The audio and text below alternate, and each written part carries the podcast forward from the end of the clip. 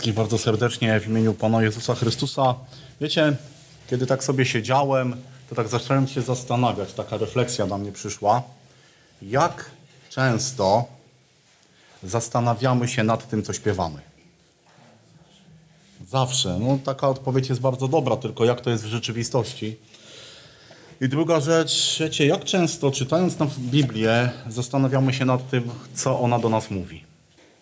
Czy nie jest tak, że czytamy, śpiewamy pewne rzeczy, ale one, wiecie, tak przechodzą nad nami, albo my nad nimi przechodzimy do takiego porządku dziennego.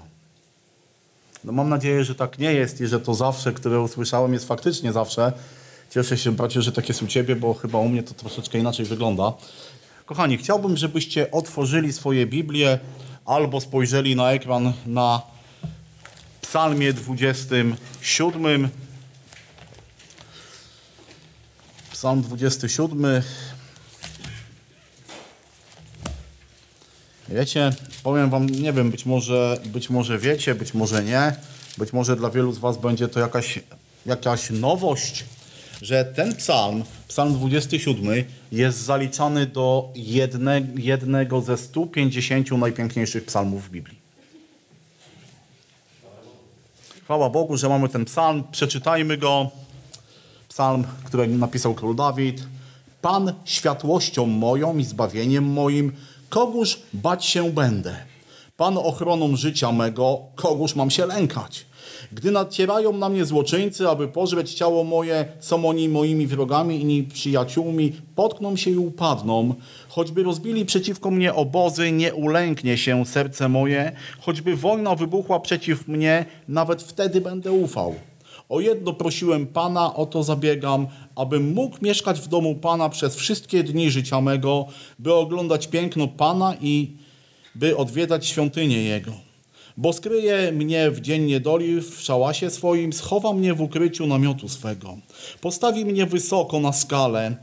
Teraz wznosi się głowa moja nad nieprzyjaciółmi, którzy mnie otaczają. W namiocie Jego będę składał ofiary przy okrzykach radości. Będę śpiewać i wysławiać Pana. Słuchaj, Panie, głosu mego, gdy wołam i zmiłuj się nade mną i wysłuchaj mnie. Z natchnienia Twego ser- mówi serce moje, szukajcie oblicza mego, przeto oblicza Twego szukam, Panie. Nie ukrywaj oblicza swego przede mną, nie odtrącaj w gniewie sługi swego. Ty jesteś pomocą moją, nie odrzucaj mnie. I nie opuszczaj mnie, Boże zbawienia mego, choćby ojciec i matka mnie opuścili, Pan jednak mnie przygarnie. Naucz mnie, Panie, drogi swojej i prowadź mnie ścieżką prostą z powodu wrogów moich. Nie wydawaj mnie na pastwę wrogów moich, bo fałszywi świadkowie powstają przeciwko mnie i dyszą gniewem i dyszą gwałtem. Nie, ja jednak wierzę, że ujrzę dobroć Pana w krainie żyjących. Miej nadzieję w Panu, bądź mężny i niech serce Twoje będzie niezłomne. Miej nadzieję w Panu. Wiecie, i dobrze powiedział ten ktoś, kto zaliczył ten psalm do 150 najpiękniejszych, bo on jest piękny. Wiecie, psalmy, Księga Psalmów jest taką księgą, która wydaje mi się jest szczególnie bliska albo powinna być szczególnie bliska Bożym dzieciom. Wiecie, bo psalmy to jest taki modlitewnik. Księga psalmów, powsta psalmy powstawały najczęściej, kiedy ich autor był w takim położeniu, w takim miejscu w swoim życiu, że wołał do Pana. I Księga Psalmów jest właśnie taką księgą, w której widać ludzkie serce, w których widać to, co człowiek chce powiedzieć Bogu, a z drugiej strony, słuchajcie, jest to też taka księga, w której Bóg bardzo dużo mówi o sobie. Wiecie, Księga Psalmów jest taką księgą, w której można powiedzieć, jest to taka, taki dialog z Bogiem. Człowiek mówi, Bóg odpowiada, człowiek to spisywał. I wiecie, i kiedy patrzymy na, te, na ten psalm, to widzimy, jak wspaniały, jak potężny, jak niesamowity jest Bóg. Wiecie, to są takie oczywiste rzeczy. Ja myślę, że ja nie muszę tego do was mówić.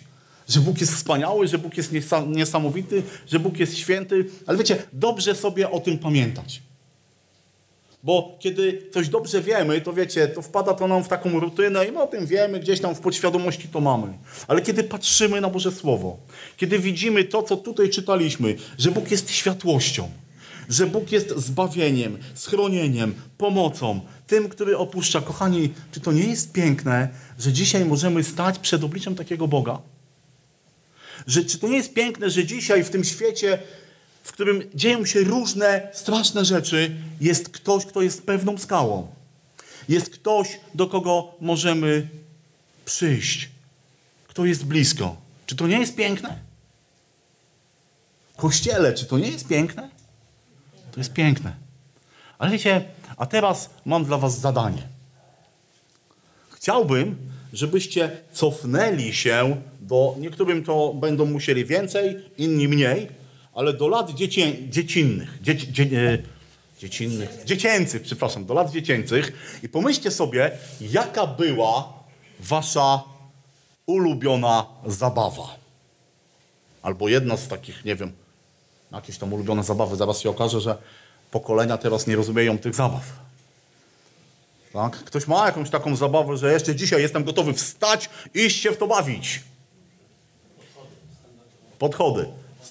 Standardowo wchowanego. No wiecie, powiem szczerze, nie zdziwiły mnie te odpowiedzi, bo takich odpowiedzi oczekiwałem.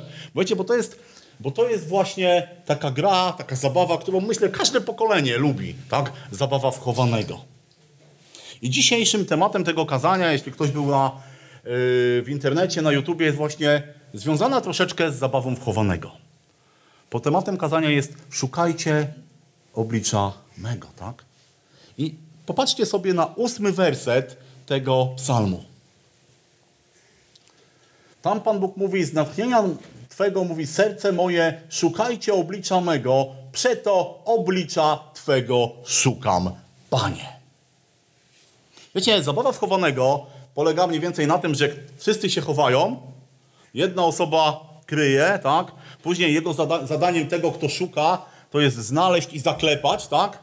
Dobrze pamiętam jeszcze tą zabawę. Dawno się temu bawiłem, więc może, musicie mnie kontrolować. Natomiast zadaniem tych, którzy się chowają, jest też się zaklepać, ale żeby ten, który szuka, nas nie znalazł.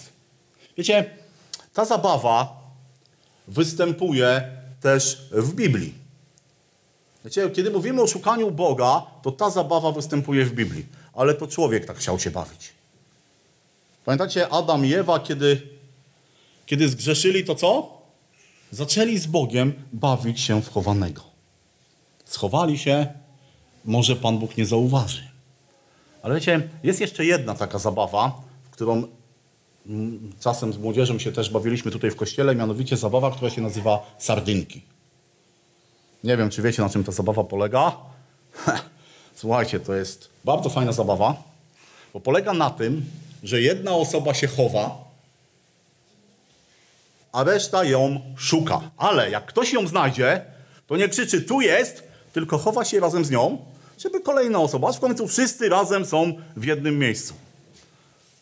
Dawid, pamiętasz? tak, tutaj słuchajcie, naprawdę można się tym, w tym budynku można się tak schować, że czasem wszystkim zajmowało pół godziny, żeby człowieka znaleźć. Ale to już po nabożeństwie o tym będziemy mówić, ale dlaczego o tym mówię? Wiecie, bo szukanie Boga jest podobne właśnie do tej drugiej zabawy. Szukanie Boga polega na tym, że szukamy Go, ale wiecie, to też jest troszkę dziwne, bo Pan Bóg, Pan Bóg jest takim, który chce, żebyśmy Go znaleźli. Wiecie, Pan Bóg nie chowa się przed nami. Zobaczcie, otwórzmy sobie psalm, przepraszam, Księgę Izajasza, 55 rozdział, 6-7 werset. Zobaczcie, co tam czytamy. Szukajcie Pana, dopóki można Go znaleźć. Wzywajcie Go, dopóki jest blisko. Niech bezbożny porzuci swoją drogę, a przestępca swoje zamysły i niech się nawróci do Pana, aby się nad nim zlitował do naszego Boga, gdyż jest hojny w odpuszczaniu. Zobaczcie, szukajcie Pana, bo jest gdzie? Jest blisko. Wiecie, Pan Bóg nie jest gdzieś kimś schowanym, ukrytym, z, nie wiem, zamurowanym, zawoalowanym. Jest blisko. Szukajcie Go, bo co? Bo można Go znaleźć. Kiedy patrzymy na historię biblijną, kiedy patrzymy na przykład na list do Rzymian, to tam Pan Bóg mówi, wieloma sposobami do was mówiłem z listu do Hebrajczyków. W liście do Rzymian czytamy, że Pan Bóg dawał się poznawać. Wiecie, to nie jest tak, że Pan Bóg tak się schował, że nikt go nie może znaleźć. Nie, Pan Bóg mówi, szukajcie mnie, bo jestem blisko. Przypowieści Salomona 8:17 mówią: Miłuję tych, którzy mnie miłują, a którzy mnie gorliwie szukają, to co? Znajdują mnie. I wiecie, to jest właśnie Bóg. Szukajcie mnie, bo jestem blisko. Szukajcie mnie, bo chcę dać wam się znaleźć. Wiecie, czasem z dziećmi bawimy się w chowanego. Nie wiem, czy zdarzało wam się. Wiecie, i my doskonale widzimy, gdzie jest to dziecko, tak? Ale udajemy, że nie widzimy, albo inaczej. Kiedy my mamy się chować, to się chowamy tak, żeby to dziecko jak otworzy oczy, to co? Nas znalazło. Wiecie, i tak jest Pan Bóg. Pan Bóg mówi, jeżeli tylko otworzysz swoje oczy, duchowe oczy, to mnie znajdziesz. Bo jestem blisko. Wiecie, i z tym szukaniem Bożego oblicza, tutaj czytaliśmy, że niech bezbożny porzuci swą drogę. Bo tak naprawdę, jako ludzie bez Boga, jesteśmy zgubieni, błądzimy i czeka nas tylko jedna, jedno miejsce, do którego możemy się, w którym się możemy znaleźć. A mianowicie piekło. A mianowicie miejsce bez Boga. Ponieważ jesteśmy, tak jak Boże Słowo mówi, bezbożni. Czy nam się to podoba, czy nie? Każdy człowiek jest grzeszny. Czy się z tym zgadzasz, czy się z tym nie zgadzasz, jakikolwiek na to masz obraz, Boże Słowo mówi, każdy człowiek jest grzeszny. Ale ja nie jestem taki grzeszny jak on czy ona. Nieważne. Jesteś grzesznikiem. I Pan Bóg mówi, i potrzebujesz mnie. Dlatego masz mnie szukać. Dlatego masz szukać mojego oblicza. A jeżeli Boga znajdę, to co? To wszystko się zmienia. Jeżeli człowiek znajduje Boga, albo Bóg znajduje człowieka, wiecie, bo to, to jest z jednej strony to jest taka rzecz, że i Bóg nas szuka, i my szukamy Boga, ale zobaczcie, Pan Bóg mówi, ja się dam wam znaleźć, ale szukajcie mnie gorliwie. Ty musisz tego chcieć. Bóg chce, żebyśmy Go szukali, ale my też musimy chcieć Go znaleźć. My też musimy chcieć mieć z Nim społeczność, bo jako ludzie doskonale sobie zdajemy sprawę, kim jesteśmy, jak wygląda nasze życie bez Boga. To jest, wiecie, to jest najfajniejsza zabawa wchowanego, jaką możemy mieć, kiedy znajdujemy Boga. Kiedy On jest blisko nas. Kiedy my jesteśmy blisko Niego. Bo tak jak powiedziałem, wszystko wtedy się zmienia. Ale wiecie, mam takie pytanie. No dobrze. Możemy sobie patrzeć na szukanie Bożego oblicza, jeżeli chodzi w relacji grzeszny człowiek, święty Bóg. Ale co wtedy? Co się dzieje, kiedy Boga znajdujemy? Co się dzieje, kiedy w Twoim życiu następuje ten dzień, kiedy przychodzisz do Boga i mówisz: Panie Boże, jestem grzesznikiem, potrzebuję Ciebie, zbaw mnie, prowadź mnie, zmień moje życie. Znalazłem Boga. Cudownie, wspaniale. Ale mam pytanie: i co dalej? I co dalej? Znalazłem, mam, dostałem to, te wszystkie rzeczy, o których Boże Słowo mówi, że dzieją się w momencie, kiedy człowiek się nawraca, nowe życie, nowe imię, Ducha Świętego, gwarancję życia, życia w niebie. I co dalej? Wiecie, Boże Słowo mówi, szukajcie mojego oblicza. Czy to znaczy, że jeśli znajdę Boga, to już koniec mojej przygody z Bogiem? Wiecie, to by było bardzo smutne. To by było tak, jakbyśmy czytali niesamowicie piękną książkę, wstęp do tej książki, który nas, wiecie, zachwycił, porywał, chcemy przewrócić na kolejną stronę, a tam jest napis koniec. Nie, nie. Bóg mówi, nie, szukajcie mojego oblicza gorliwie. Cały czas. Ale wiecie, pytanie się nas, nasuwa, no ale co to jest to Boże oblicze? Czy to jest, nie wiem, jakiś obraz? No, bo słowo oblicze, no z czym nam się dzisiaj kojarzy? z jakimś obrazem, nie wiem, z jakimś czymś wyidealizowanym. Co to jest oblicze pańskie? Wiecie, no musimy to wiedzieć. Jeżeli mamy tego szukać, to musimy to wiedzieć. Co to jest oblicze pańskie? Słowa Boże. Coś w tym jest? Coś więcej? Jego wola.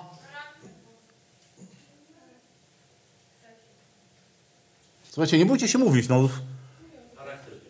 Charakter, tak? Boży charakter. Co jeszcze? Wiecie, tak się zastanawiam, po co ja wam to mówię, jak wy to już wiecie, tak? Ale... Widząc czyjąś twarz jesteśmy blisko. Skromność. Dobrze, dobrze. Nie, no macie rację, słuchajcie, no macie rację. Ja bym chciał tylko patrzeć w kilka, w kilka miejsc Bożego Słowa, żebyśmy sobie jakby zbudowali, co to znaczy. Księga Michała 6, 8. Bardzo znany fragment, jeden z moich chyba ulubionych cytatów.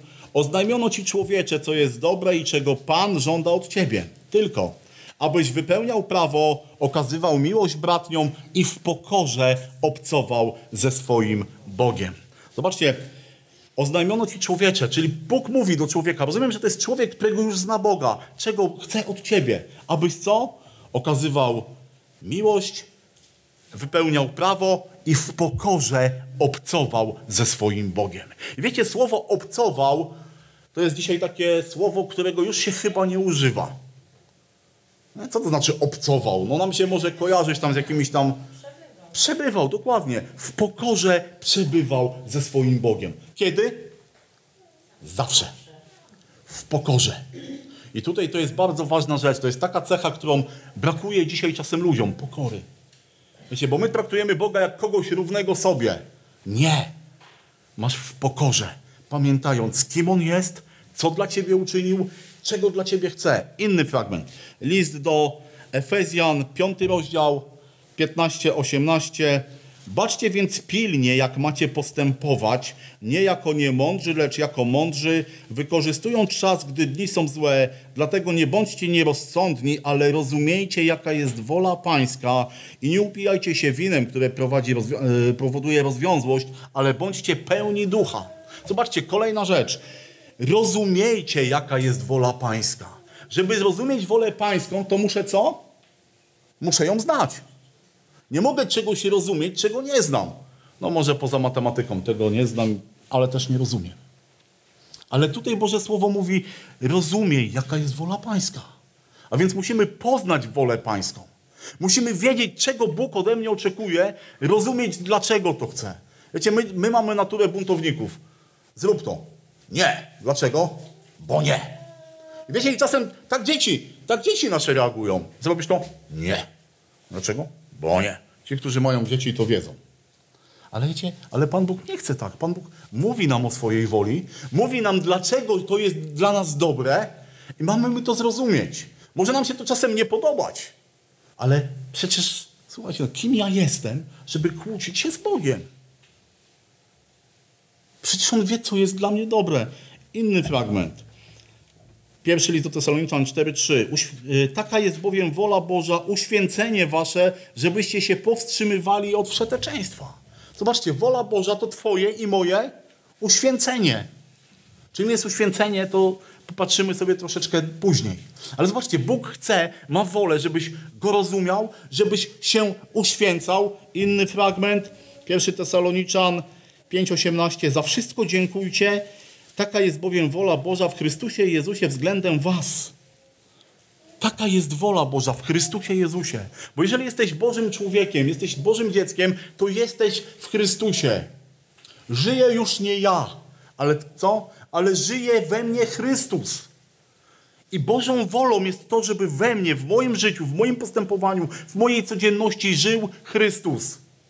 Nie ja, nie moje ego, nie moje plany, moje myśli, moje założenia, ale Boże. Szukajcie mojego oblicza, mówi Pan Bóg. I wiecie, i to nie jest tylko piękny cytat. To nie ma być tylko piękny frazes, ale to ma być codzienność. To jest codzienność Bożego człowieka. To nie jest tak, że znalazłem Boga, nawróciłem się i koniec, pozamiatane. Ach, jaki ja to dobry człowiek jestem. Nie szukajcie Bożego oblicza. Wiecie, i teraz takie pytanie się nasuwa, jak szukamy?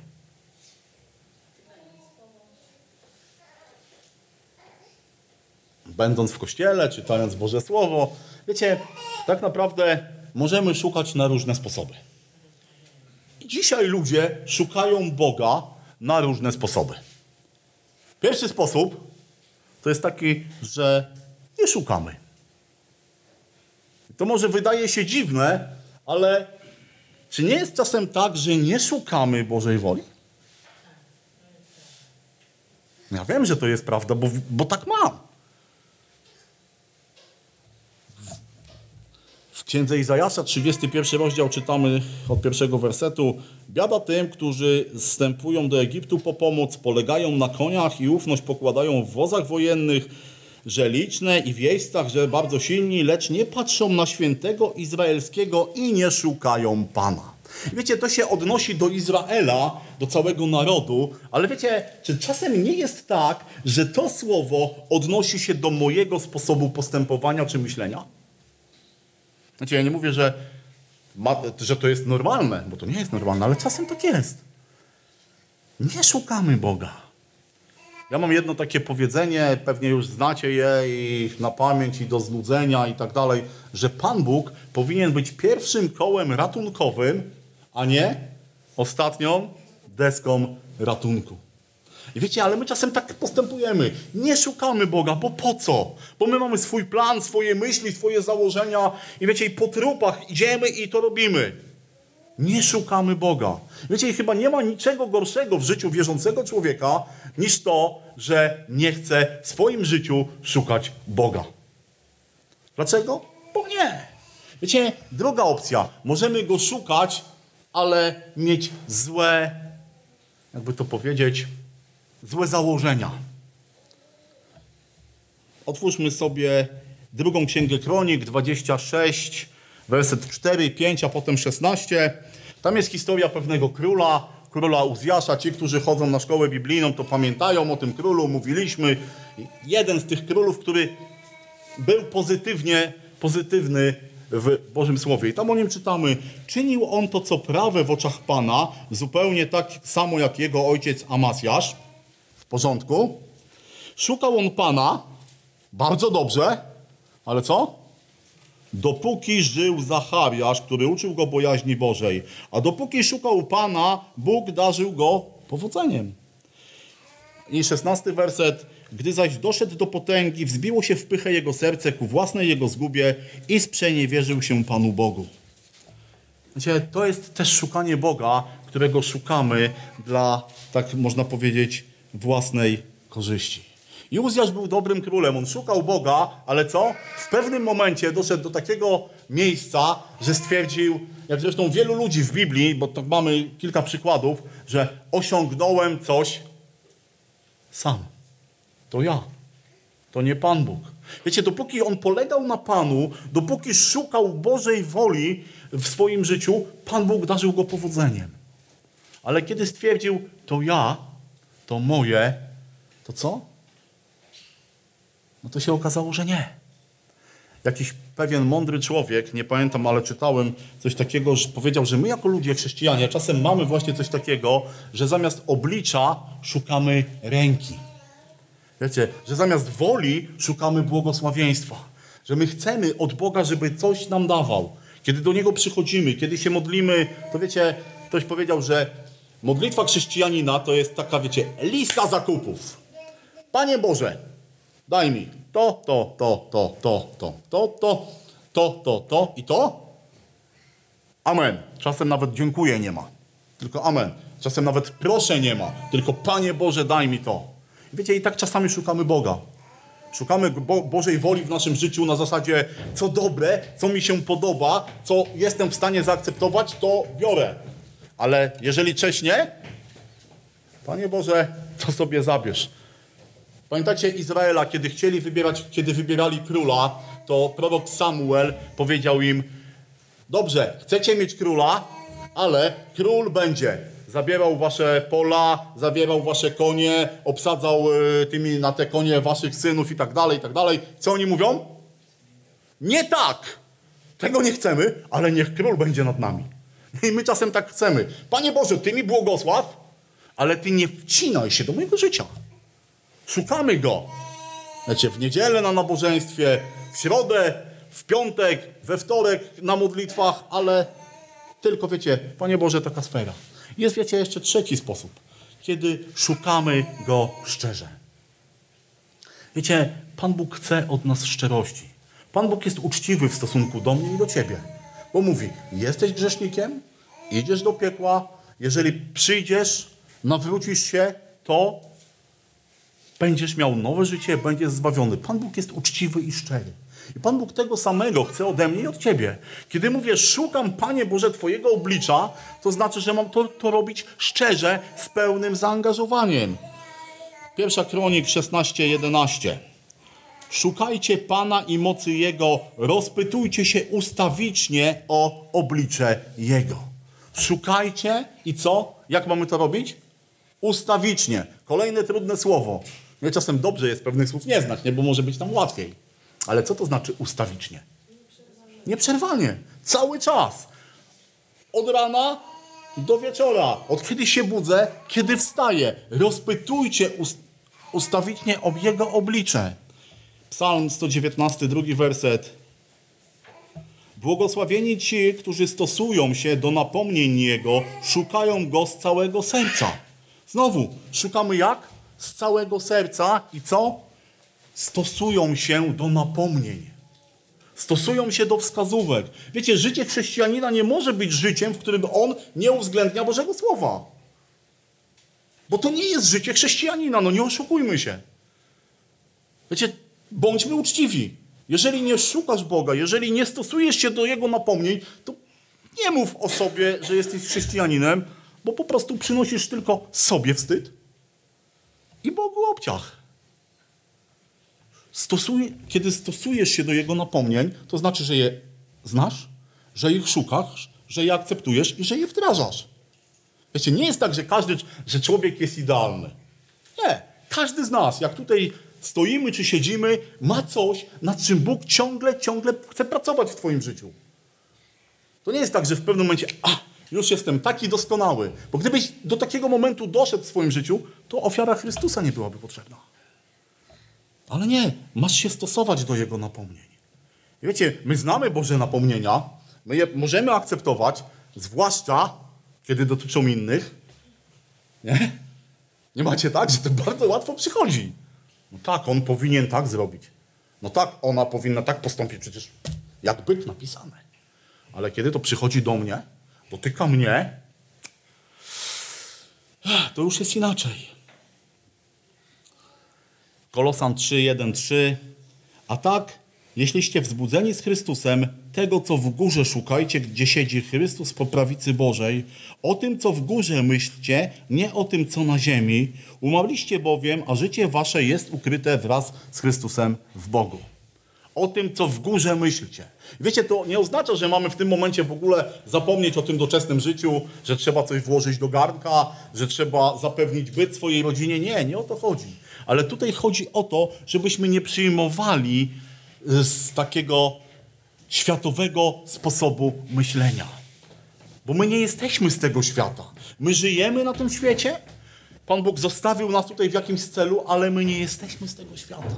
Nasze myślenie jest skierowane w górę.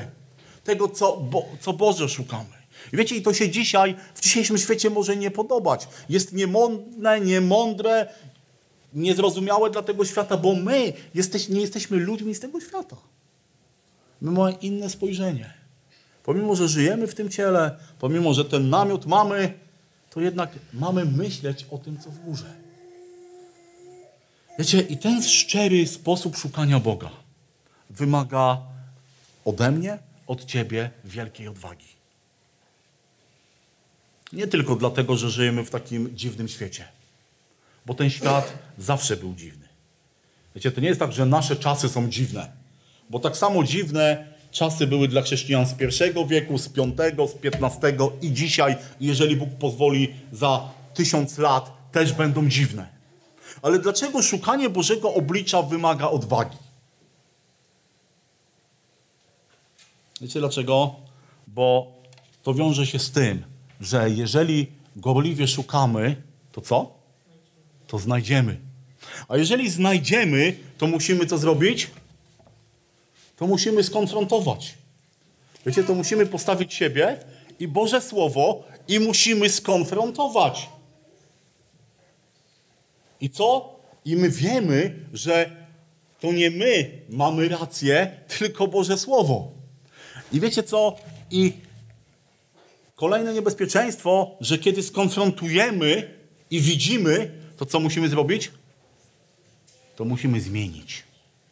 Ale nie Biblię, tylko swoje życie, tylko siebie, swój sposób myślenia, postępowania, działania, ponieważ szukamy szczerze, Bóg daje się, Bóg znajdujemy i musimy coś zmienić. I to wymaga wielkiej odwagi. Wiecie, nie na zasadzie, że teraz postawiłem się całemu światu, jestem w opozycji do całego świata. Bo kiedy się nawróciłeś, to już jesteś w opozycji do tego świata. Bo tak, tak to działa. Ale musisz być w opozycji do swojego własnego ja, do tej starej natury. Szukam go gorliwie, znajduję, konfrontuję i zmieniam. Nie ma innego sposobu. Przynajmniej ja z Bożego Słowa nie widzę innego sposobu. W liście do Galacjan czytamy z Chrystusem jestem ukrzyżowany. Trzeci rozdział, drugi rozdział, dwudziesty werset. Z Chrystusem jestem ukrzyżowany. Żyję więc już nie ja, ale żyje we mnie Chrystus, a obecne życie moje w ciele jest życiem w wierze w Syna Bożego, który mnie umiłował i wydał samego siebie. Za mnie, tak? Z Chrystusem jestem ukrzyżowany, przybity do krzyża. Żyje On we mnie, nie ja. I moje życie obecne jest życiem w wierze w Syna Bożego. Wiecie, to nie jest tylko wy, i ta wiara to nie polega tylko na umysłowym zgodzeniu się, ale na pewnym postępowaniu. Jeżeli szukasz gorliwie Boga, znajdujesz Go, konfrontujesz, to On wymaga od Ciebie zmian. Od niektórych wymaga większych, od niektórych może mniejszych. Każdy z nas na swoje serce. Wiesz, z czym masz problem? Wiesz, o co do ciebie, z czym do ciebie przychodzi Bóg? Bo wiecie, bo tak jak powiedziałem, Pan Bóg jest uczciwy. I Pan Bóg, wiecie, mówi szczerze. To mi się nie podoba. Tutaj, od, tutaj jesteś daleko ode mnie.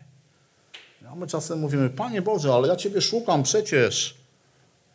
Izrael też tak mówił. Pan Bóg w końcu powiedział dość i powiedział, lud ten czci mnie wargami. Tak? Pięknie mówicie. Nawet ofiary przynosicie. Ale co? Ale sercem jest daleko ode mnie. Wiecie, tak naprawdę są trzy takie sfery naszego życia, w których powinna być widoczna oznaka znalezienia Bożego oblicza. Przynajmniej ja znalazłem trzy, ale zapewne jakbyśmy wgłębili się w temat, to by było ich więcej. Chciałbym, żebyśmy sobie otworzyli Dzieje Apostolskie. 19 rozdział.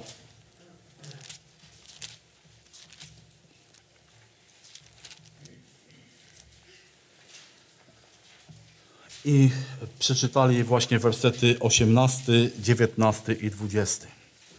Wielu też z tych, którzy uwierzyli, przychodziło, wyznawało i ujawniało uczynki swoje.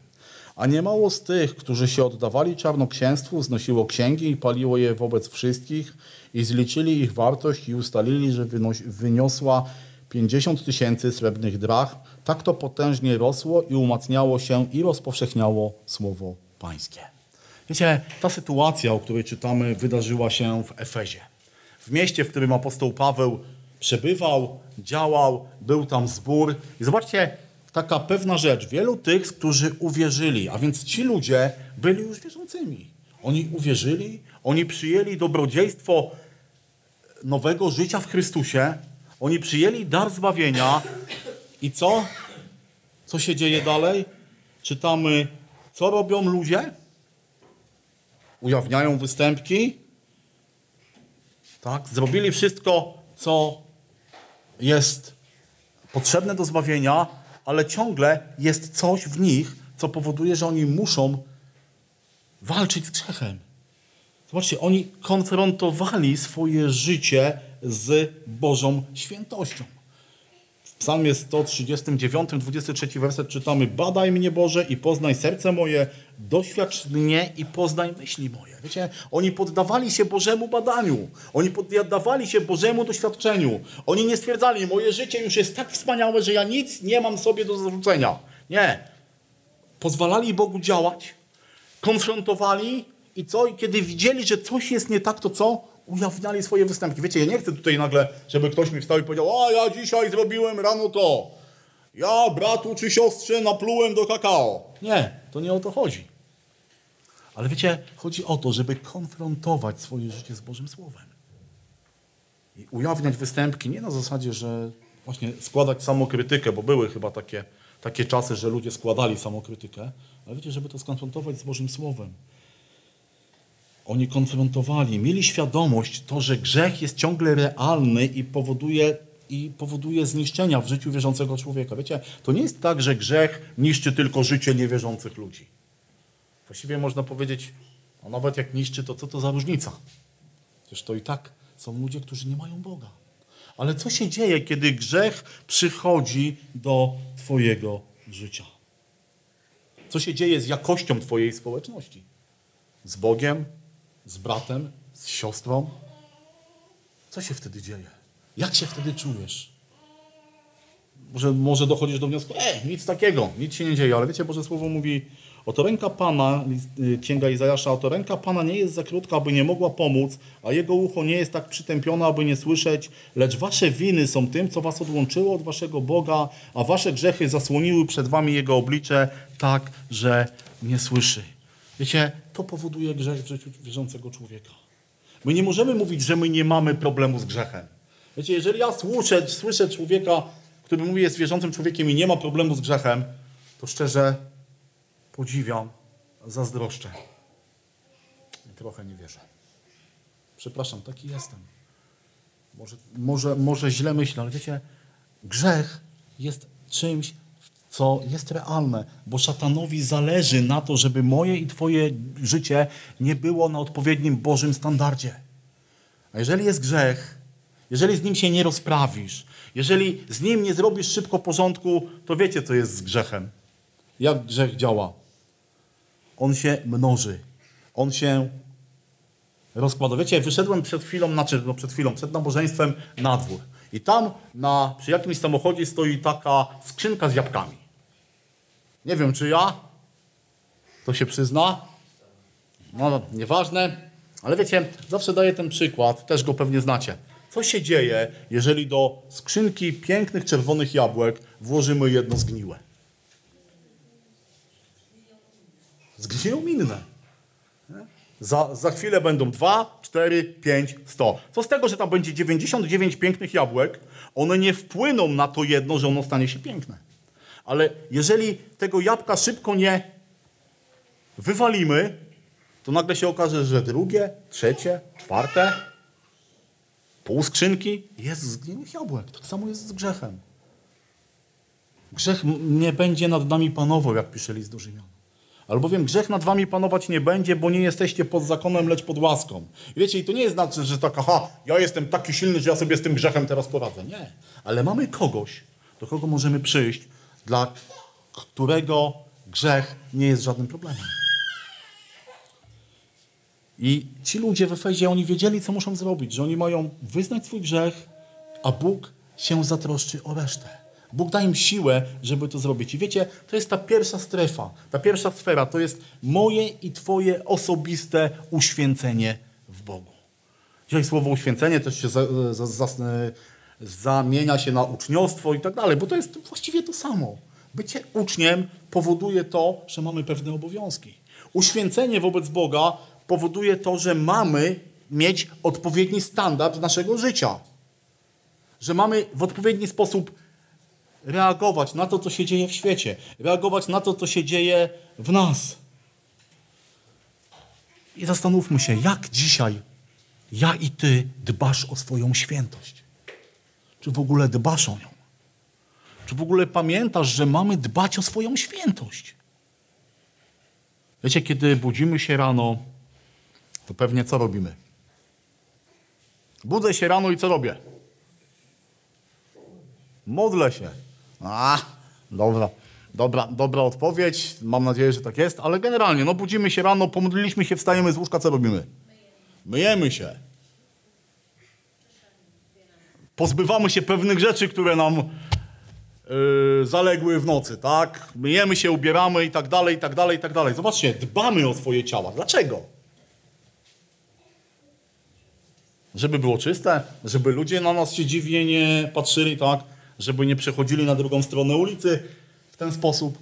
Nie? Dbamy o swoje ciało. No. faceci to mają, mają prościej, tak, bo my to wiecie szybko już, ale nasze kochane siostry, włosy, wszystko tak pięknie. Dlaczego o to dbamy? Bo, bo chcemy się podobać, tak? No, bo, bo tacy jesteśmy, bo chcemy się dobrze czuć. Dbamy o nasze ciała. Ale pytanie właśnie, a jak dbasz o, swoją ducho, o swoje duchowe ciało? O swoją duchową świętość? Mówię, ta pierwsza strefa to jest właśnie dbanie o swoją świętość, o społeczność z Bogiem, o reakcję na grzech. Ja mówię, my bardzo szybko reagujemy na grzech w życiu innej osoby. Wiecie, to jesteśmy po prostu moment, jest nasza reakcja, ale kiedy grzech dotyka mnie, nie. Czy grzech jest obrzydliwością dla ciebie w twoim życiu, czy nie? Pamiętaj, ci, którzy są w środy na spotkaniach, pamiętacie, ostatnio rozważaliśmy sobie pierwszy list do Koryntian, y, piąty rozdział. I to, znaczy, no wcześniej rozważaliśmy piąty. I tam w piątym rozdziale była taka sytuacja w, w zborze w Koryncie, że może przeczytam 1 Koryntian 5, 1, 2. Słyszymy się, słyszy się powszechnie o wszeteczeństwie między wami, to o takim wszeteczeństwie, jakie nie ma nawet między poganami, mianowicie, że ktoś żyje z żoną ojca swego. Słuchajcie, no dramat. Ale co? Co powinniśmy zrobić w takim momencie? Zareagować, tak? A co się dzieje w zborze w Efezie? A wyście wzbili się w pychę, zamiast się raczej zasmucić i wykluczyć spośród siebie tego, kto takiego uczynku się dopuścił.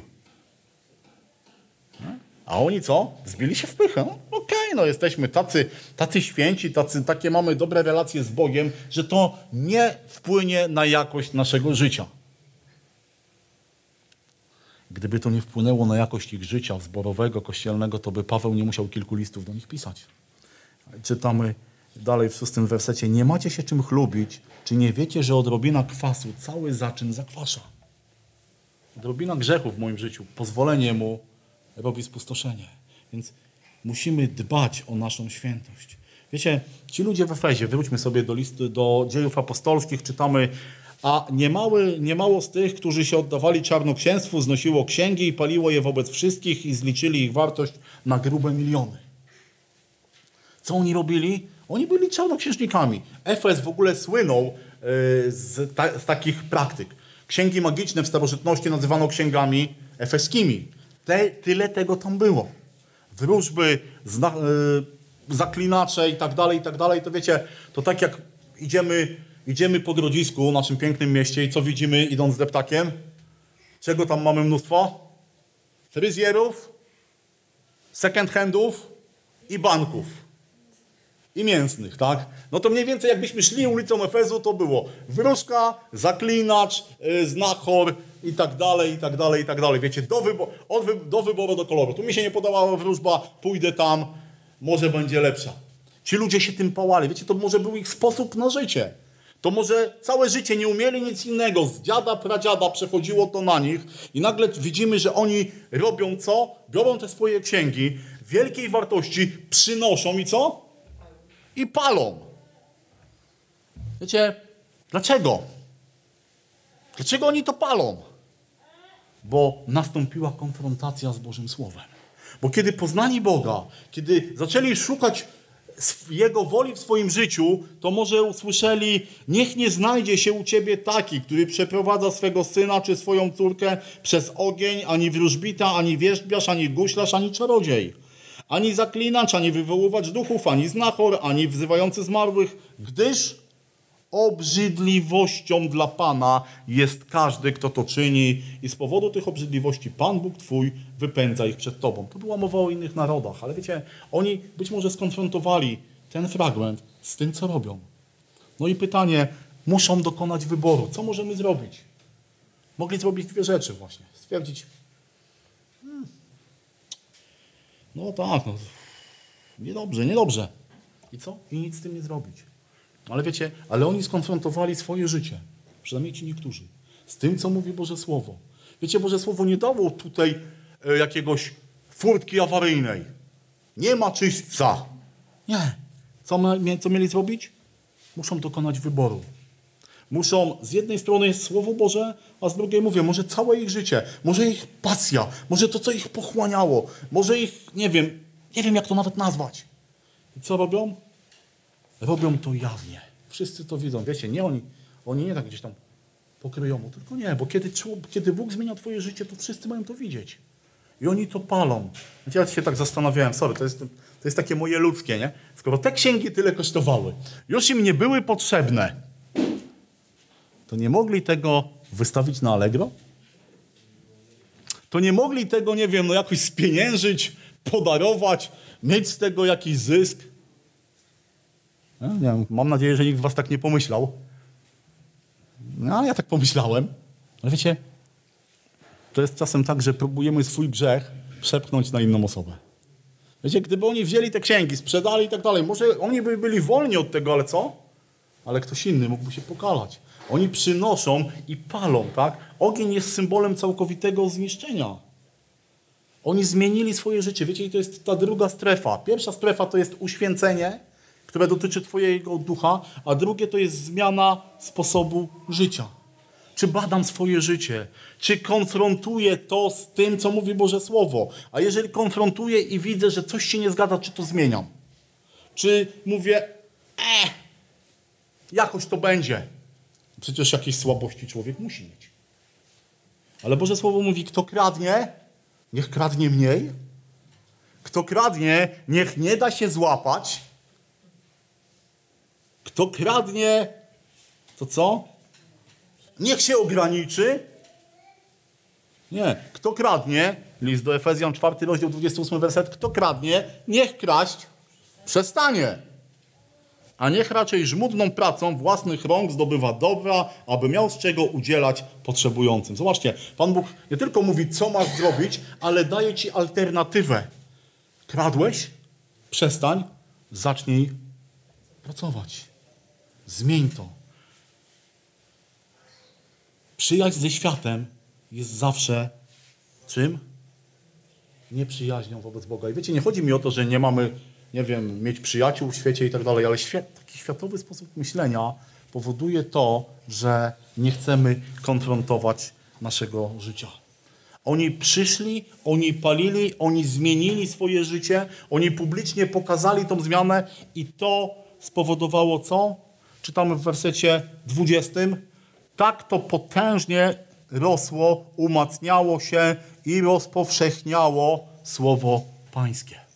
Zobaczcie, to, na co zwracają ludzie uwagę, to nie są nasze słowa, ale sposób życia.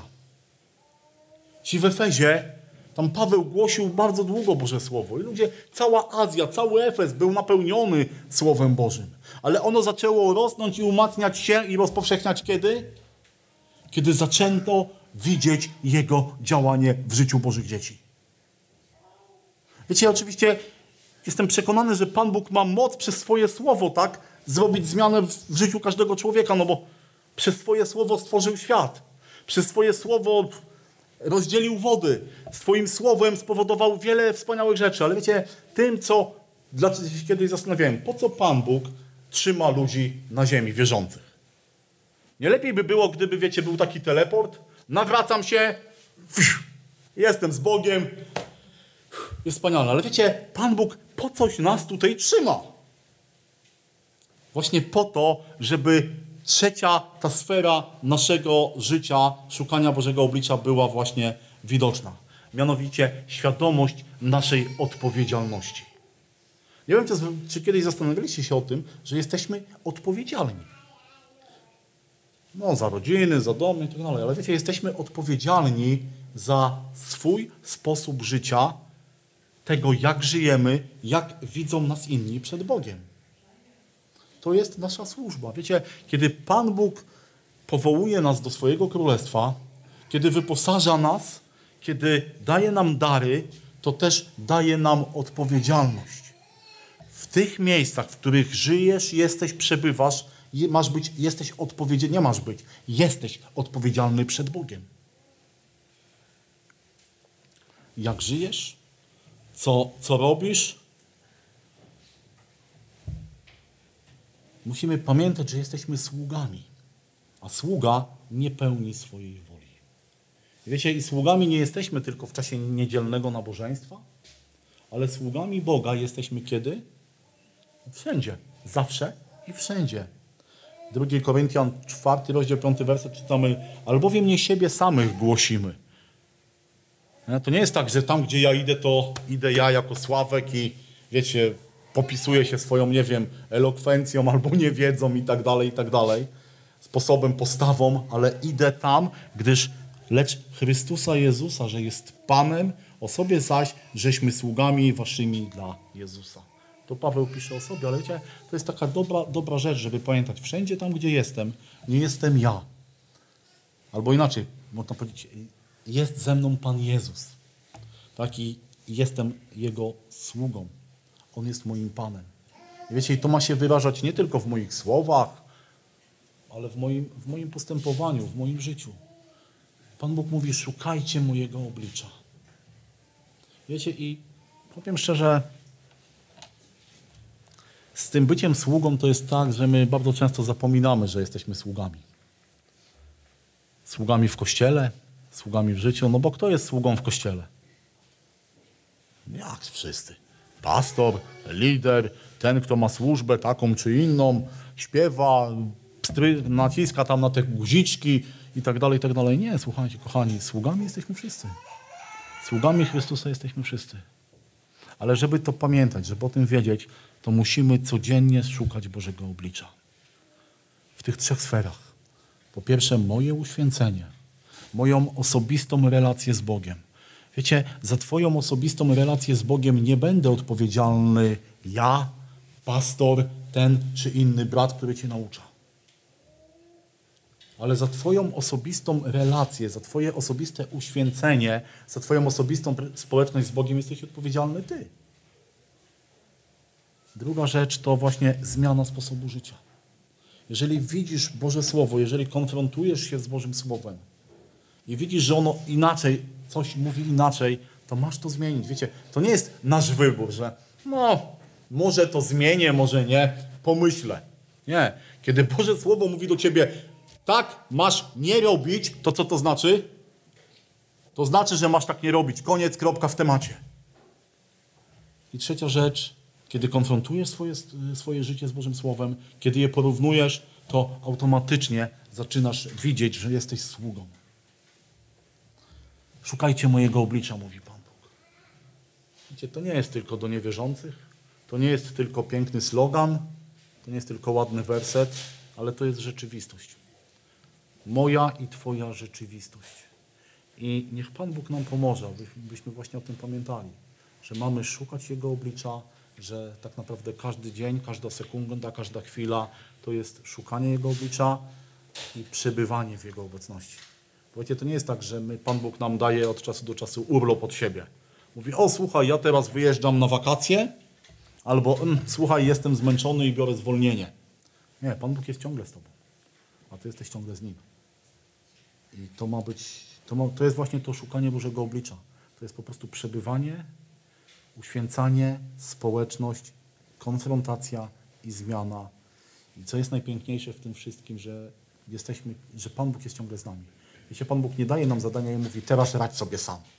Nie, bo On powiedział, ja jestem z wami po wszystkie dni, aż do skończenia świata.